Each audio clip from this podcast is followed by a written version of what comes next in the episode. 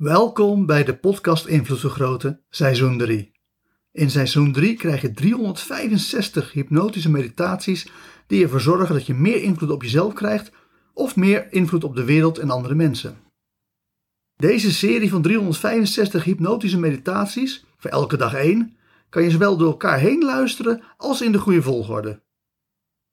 Wanneer je vooral luistert voor zelfontwikkeling, begin dan met de eerste hypnotische meditatie genaamd initiatie. Voor deze hypnotische meditaties ga ik ervan uit dat je makkelijk en snel in een hypnotische trance komt. Is dat nog niet zo? Luister dan naar bonus nummer 2 van de podcast Invloed Vergroten, want dat is een hypnosesessie om in je kracht te komen staan.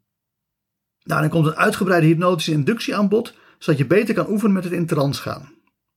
Voordat we echter beginnen, eerst nog een heel kort woord van dank. Super bedankt iedereen. Elke keer wanneer het aantal luisteraars van aflevering 1 initiatie verdubbelt, maak ik weer een variatie op de introductie en de achtergrondmuziek. Dit is variatie 2.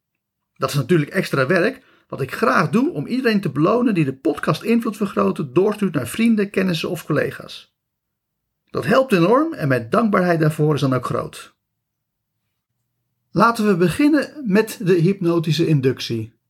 Dus ga lekker op een stoel zitten, doe je ogen dicht en haal eens diep adem in door je neus en uit door je mond.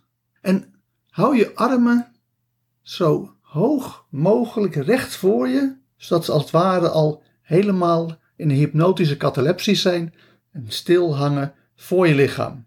En dan ga ik je vragen om je beide armen zo langzaam als mogelijk te laten zakken, maar enkel en alleen op die snelheid waarmee je oprecht en eerlijk dieper en dieper kan ontspannen en sneller en eenmakkelijker steeds dieper in een hypnotische trance kan raken. Zodat je gewoon heel relaxed, heel ontspannen, steeds dieper en dieper gaat naarmate je armen beginnen te zakken. En ik hoop dat dat zowel langzaam als enigszins snel tegelijk gaat. Je begrijpt wat ik bedoel? En we willen dat je met een onbewuste hypnotische transbeweging zo je handen en armen laat zakken dat ze heerlijk relaxed raken, dat jij heerlijk relaxed raakt en dat terwijl je op die manier steeds meer en meer in een hypnotische trance komt, je heel eenvoudig gewoon je armen laat zakken tot ze op een gegeven moment op je schoot liggen.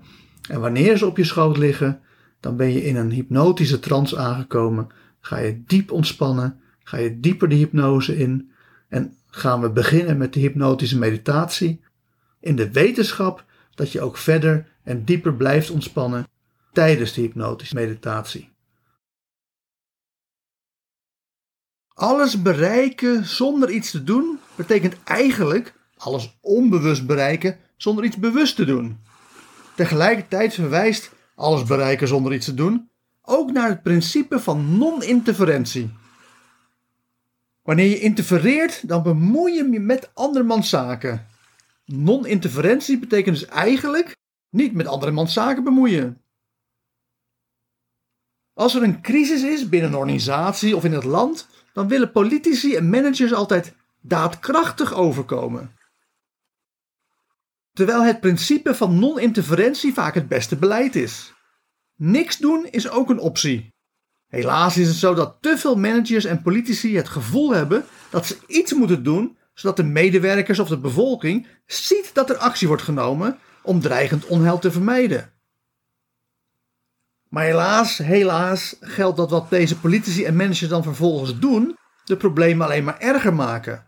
Hadden ze niks gedaan, hadden ze zich nergens mee bemoeid, dan waren de problemen als vanzelf weer verdwenen. Uiteraard hadden deze problemen wel pijn gedaan, maar uiteindelijk minder pijn dan dat de stukken grotere problemen pijn doen. Problemen die dus zo zijn gegroeid omdat managers en politici zich ermee gingen bemoeien. Dus als jij met een crisis wordt geconfronteerd, check dan eerst of niks doen geen goede optie is. Pas als duidelijk is dat non-interferentie echt geen reële keuze is, ga pas dan nadenken over wat te doen om de crisis op te lossen. Is non-interferentie, oftewel niks doen, een optie? Dan is het ook bijna altijd de beste optie.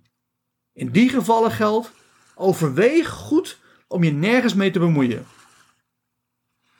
Er is nog een tweede situatie waarin non-interferentie goed werkt, namelijk elke situatie waarin een tegenstander van jou fouten maakt.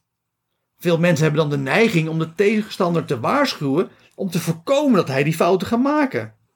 Maar het is veel beter om het principe van non-interferentie toe te passen en je tegenstander lekker de fout in te laten gaan. Oftewel, zoals ze in tijden van oorlog in Engeland zeggen: Never stop the enemy from making mistakes. Of zoals ze dat binnen de filosofie noemen: geef iemand altijd voldoende tijd en ruimte en touw om zichzelf op te hangen. Nogmaals, de eerste vorm van non-interferentie komt veel vaker voor. Tegelijkertijd geldt dat het altijd goed is om goed voorbereid het strijdtoneel te betreden.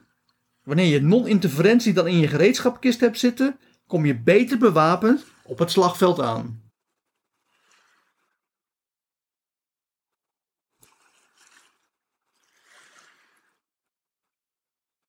En met die gedachte diep in je onbewuste geplaatst, ga ik tot vijf tellen en bij vijf word je weer helemaal wakker met misschien wel een compleet nieuwe visie op de toekomst. 1. Je hoort mijn stem. 2. Je voelt jezelf in de stoel zitten. 3. Je komt helemaal terug naar deze wereld. 4. Je begint je ogen te openen. En 5. Open je ogen en word weer helemaal wakker, wakker, wakker. Hartelijk dank voor het luisteren naar deze hypnotische meditatie. Wil je dat jouw onbewustzijn van deze boodschap helemaal wordt doordrongen? Luister dan nog een keer naar deze meditatie terwijl je in een meditieve of hypnotische trance bent. Op die manier installeer je deze boodschap diep in je onbewustzijn.